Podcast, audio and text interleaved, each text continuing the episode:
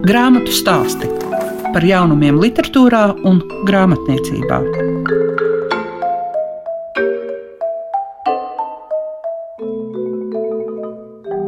Klāt ir atkal grāmatu stāstu laiks, tātad tiekamies klasikā.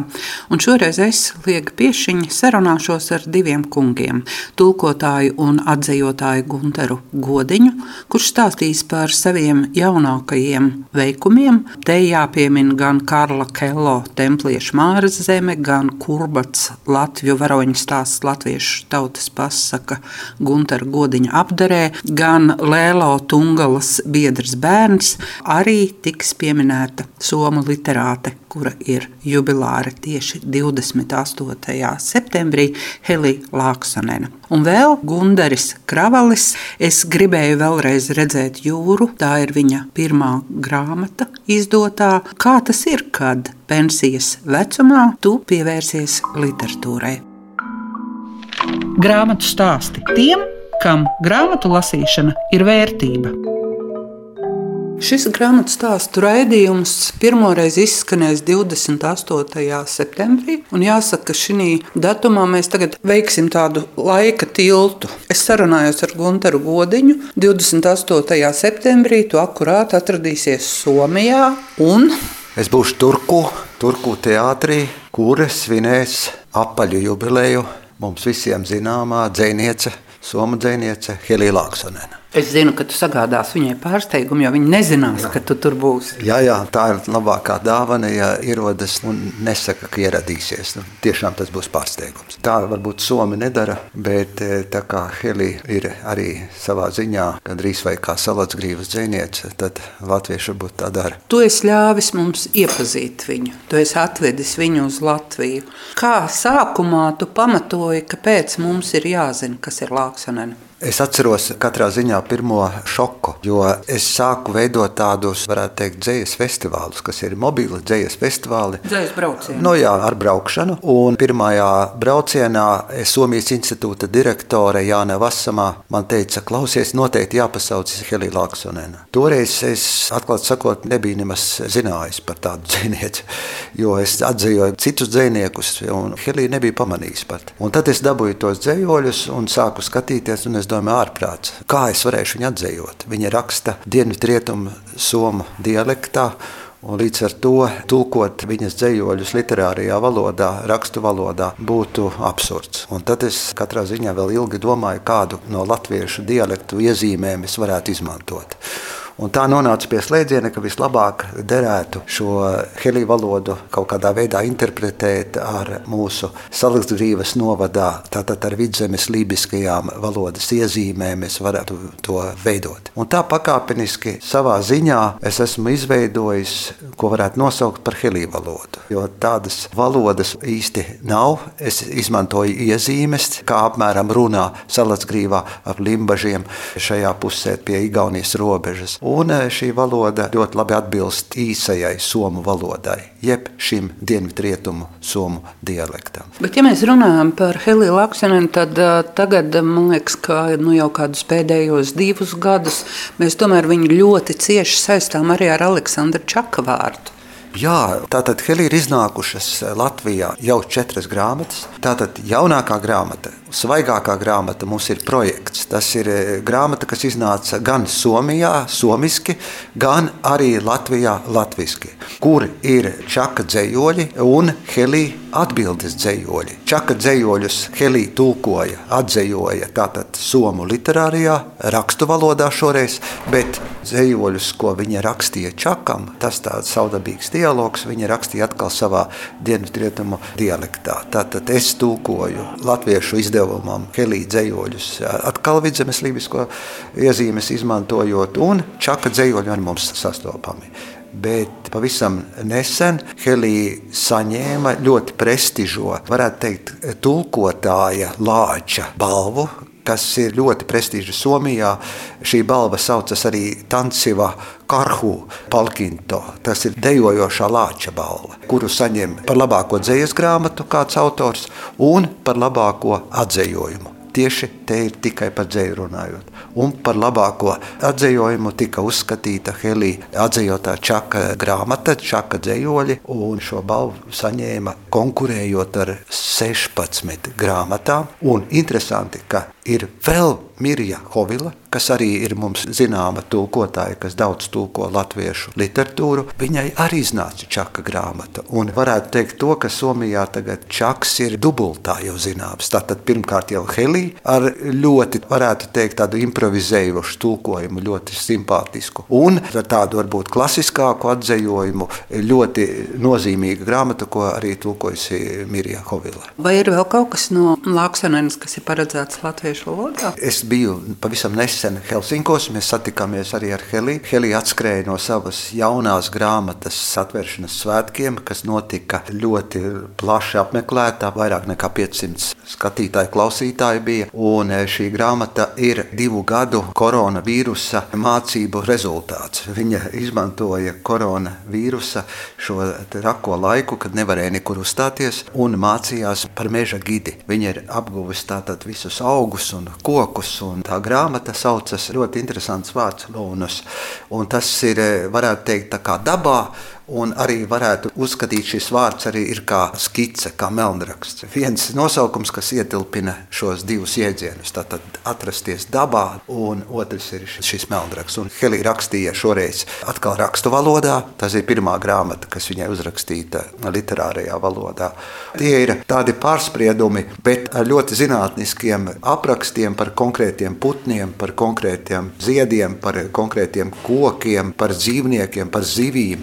Reiz reizē atkal ar Heliju fantastisko humoru izjūtu. Un... Ja mēs pievēršamies 2022. gada veikumam, tad ir tāda sajūta, ka tu strādā vairāk nekā agrāk, tāpēc ka šī gadā ir iznākušas sešas grāmatas, kur, kā saka, tavs vārds ir vai nu pirmajā vai otrajā vietā. Jā, nu, tā strādāšana notika arī tajos iepriekšējos gados, jo vairākas grāmatas, arī vairāki projekti bija ļoti smagi un nozīmīgi, arī laika ietilpīgi. Viena no tām grāmatām ir zinātniska grāmata, kurā ir, ir mitoloģija, kurā ir vēsture, kurā ir sava pieredze. Tā ir grāmata, kas saucās Templieši Māras zemē. Pirmkārt, jau par templiešiem, ko mēs zinām un ko mēs varbūt pat īsti nezinām, ka templieši arī ir sastopami šajā līpzemē, sastopami Siguldā, sastopami arī Latvijā un arī sastopami arī, protams, Igaunijā. Autors Kalis Kello, kas ir ļoti pētījis arī no mitoloģiskā viedokļa, vēsturiskā viedokļa mūsu kopīgo valsti, kas saucas Māra zeme, kurā būtībā apvieno divas tautas - Igauni un Latvieši. Te ir pētījums gan par Sāremā pirmo observatoriju, kas ir atrasta mežā, tātad šie akmeņu krāvumi, vai varētu teikt Sāremā Stonehenge, tāda pati, kā mums jau zināma, ko viņš pats ir arī atradis, pētījis, un tas bija interesanti, ka Sāremā atradās šī pirmā, varētu teikt, akmens observatorija, pēc kura, teiksim, saules atrašanās vietu varēja noteikt gan saules aptumsumu, mēnesi aptumsumu, un e, Sāremā saistību ar šo jūras valstīm, tā skaitā arī Latviju, tā skaitā arī ar Lietuvu un Somiju. Patīkami tas, ka pēc Kaleva dēla es strādāju ar šo, varētu teikt, šo mitoloģisko materiālu. Un autors vārds sakot uzsver, ka nav jau tikai vēsture, kas mums ir pēc faktoloģiskiem faktiem zināms un tā tālāk, bet ka daudz kas ir mītos, un sevišķi jau somu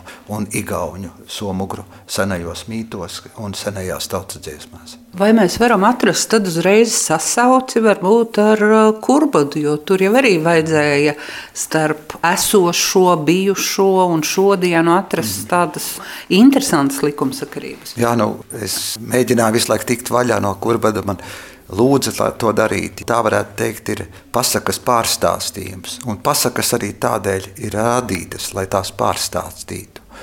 Un es tā mēģināju šo zināmo Ančelēša Puškaiša pasaku, kuru viņš arī ir varbūt vairāk ir uzrakstījis nekā šie motīvi. Un, protams, motīvi ir no tautas pasakām, bet to var arī uzskatīt par viņa literāro darbu. Šo pasaku mēs pārstāstam dažādās mākslās. Pirmkārt, es šo tekstu mazliet pārstrādājot, pārstāstot, arī saīsinot, varbūt arī mazliet izmainot valodisko struktūru, lai vienkāršāk uztverts. Tas domāta šī grāmata varbūt vairāk jauniešiem. Un šeit šeit ir iekļauta arī Skyforgeru grupas dziesmas, kas kādreiz bija izveidotas gan kā roka opera, kurbats. Uzvedums kurbats varētu teikt vairāk, jo tā ir metāls, tā ir smagais metāls. Treškārt ir arī māksliniece Sindija, kas strādāja ļoti cītīgi un izveidoja šo vizuālo materiālu. Šī grāmata ir arī digitāla, tātad uzliekot ar telefonu un ieejot teiksim, šai mājaslapā kurbats.lv ir iespējams arī noklausīties un noskatīties arī Skyforgeru uzstāšanos, tieši izpildot savas dziesmas. Tāds daudzfunkcionāls projekts. Un tas parāda arī to grāmatu plašumu, ko tas var piedāvāt. Un arī gana krāsaina tā grāmata ir un tāda, jā. kā saka, viņa nav pieticīga. Jā, jā. Es grāmatas atklāšanā, kad mēs bijām pasaku valstībā, kur Ancis Lerhis Puškaitis arī ir šis muzejs un arī vietā, kur viņš dzīvo dzīvojis, es teicu, ka Lāča plēsis tagad saturies. Ir otrs kurbats mūsu, varētu teikt, varonis, kas ir pat varbūt interesantāks, intelektuālāks, spēcīgāks, jo te nav tikai šis brutālais spēks un spēks kā varenība, bet šeit ir viņā arī šis eh, intelektuālais spēks. Mums ir divi varoņi. Nav tikai Latvijas tagad jau ir arī kurbats. Ja mēs pievēršamies tai literatūras daļai, kas ir veltītas bērnības atmiņām, Tad tā ir gan Vivija Luikas rakstītais, gan tā ir Vīzma Belševica ar Billi, gan Māra Zālīte. Mēs varam šo sarakstu vēl arī papildināt, un mēs redzam, ka tur parādās tik interesantas nianses, un liekas, ka veidojas arī dialogs starp paudzēm, jo brīžam jāpārprast, ko kas nozīmē. Un pirms vairākiem gadiem mēs arī ļoti priecājāmies par biedru bērnu, kā izrādījās pirmo daļu, kas ir nonākusi pie lasītājiem. Ir bijis arī filma, bet tagad ir otrā otrā un trešā daļa. Jā, tagad var teikt, ka ir triloģija gatava, un tā ir Lielo Tungalas, varētu teikt, trīs romānu atmiņu apvienojums. Ļoti spēcīga grāmata, kas ir iespaidojusi gan Igaunijā kritiķus, gan lasītājus, gan arī, kā mēs redzam, arī kino cilvēkus, un ir radusies tāda filma, kas ir iegūsta starptautiskas balvas. Grāmata, kuru var teikt to, ka šīs atmiņas ir ļoti patiesas, jo Lielo Tungala neko nav sadomājusi. Tā kā arī ir bijis, tā ir viņa rakstījusi. Protams, šī grāmatu tulkošana nebija viegla. Manai vēl paudzē tas ir saprotams, kā jaunieši sapratīs visu šo pionieru padarīšanas un visu to padomijas laiku. Bet tā ir gan humoristiska, gan ļoti sāpīga grāmata, kā Lēlo prot rakstīt, kā tas arī bija, kā viņi arī pārdzīvoja. Šī stilistika ir ļoti interesanta. Tas, ka Lēlo mēģina runāt tieši piecgadīgas, sešgadīgas, vēlāk, protams, septiņgadīgas meitenes valodā un izmantojot šī bērna psiholoģiju. Un tad šī vēsture ir patiesa. Bērns redz to, ko mēs varbūt pieaugušie pat nevaram iedomāties. Un līdz ar to šīs vēstures traģēdija parādās pavisam citā spilgtā gaismā. Tā ir laba prizma, kā skatīties uz vēsturi. Tas, manuprāt, Lielo Tungalā ir izdevies. Labi. Bet viņi taču sākotnēji gribēja tikai vienu daļu rakstīt. Jā, nu, sākumā vienu, otrā grāmata radās arī diezgan jau pasen, jau var teikt, bet trešo grāmatu burtiski viņai uzspieda, jo tad sekoja šī filma, gribēja, lai vēl Lielo raksta. Es zinu, ka man Lielo stāstījis, ka viņa tā savā ziņā, nu, tika varbūt piespiesta un pati piespiedās to rakstīt. Manuprāt, tā trešā grāmata ir visspēcīgākā. Grāmatu stāsti programmā Klasika. Tikko dzirdējāt tulkotāju un atzējotāju Gunteru Godiņu. Ja kāds uzmanīgi sekoja, tad mēs neizstāstījām par visām sešām šogad izdotajām viņa tulkotajām grāmatām. To gadu citu reizi. Bet tūlīt varēsiet dzirdēt Gunderi Kravali. Viņam iznākusi grāmata Es gribēju vēlreiz redzēt jūru. Gunderis pats saka, mani sapņi ir piepildījušies. Bet kā šī grāmata? Par to viņš pats. Stāsts radās 13. gadā. Es vēl tajā brīdī dzīvoju pilnīgi citā sistēmā. Grāmatas bija pieejamas ļoti maz. Cīnījāmies par eksistenci un biju slimnīcā. Man izrakstīja no intensīvās terapijas nodaļas, un es pamodos un sapratu, ka esmu dzīvs, ka es esmu palicis. Tā tad bija sajūta, ka man ir pagarināta uzturēšanās vīza, un es kaut kā aizspies, neesmu ļoti reliģijos, bet es tajā brīdī sapratu, ka man ir vēl kaut kas jāpaveic, ka tas nav nejauši, ka man vēl kaut ko vajadzētu izdarīt.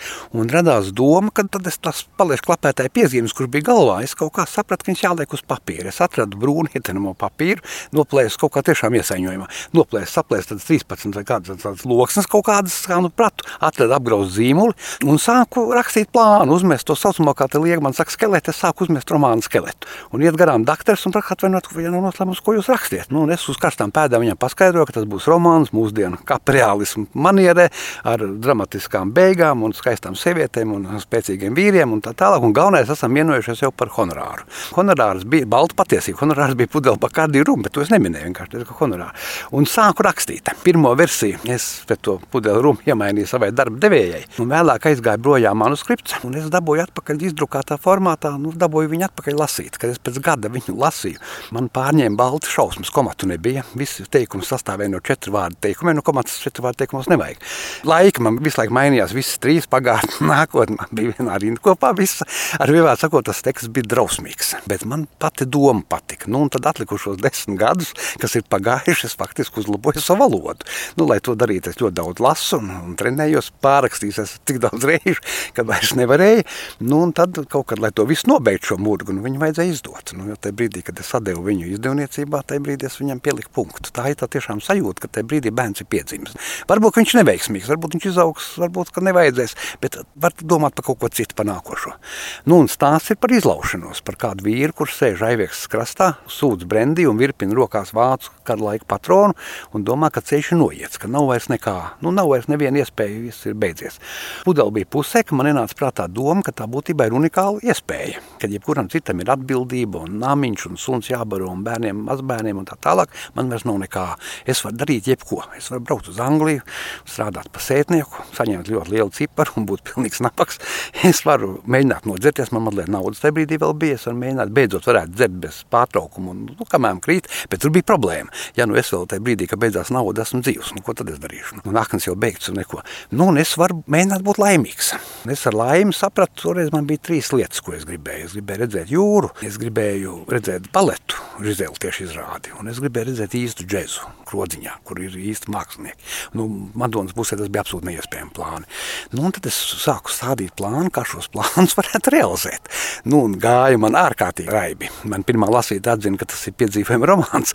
Un par to, kas tur bija, nu, to ir tālāk jau romānu. Es aprakstīju to visu, un tas beidzās ar, ar to, ka es sēžu Cernikavā, Saukras džēzus festivāla laikā, un, un man blakus apsēž ar Džeraldīnu. Nu, tā tas arī notika dabā. Kurā brīdī tu saprati, ka tev jāiet uz literāro akadēmiju? À, oi, tas ir, tas ir atsevišķs stāsts. Meklējiet sievieti. Tā bija Džeraldīna.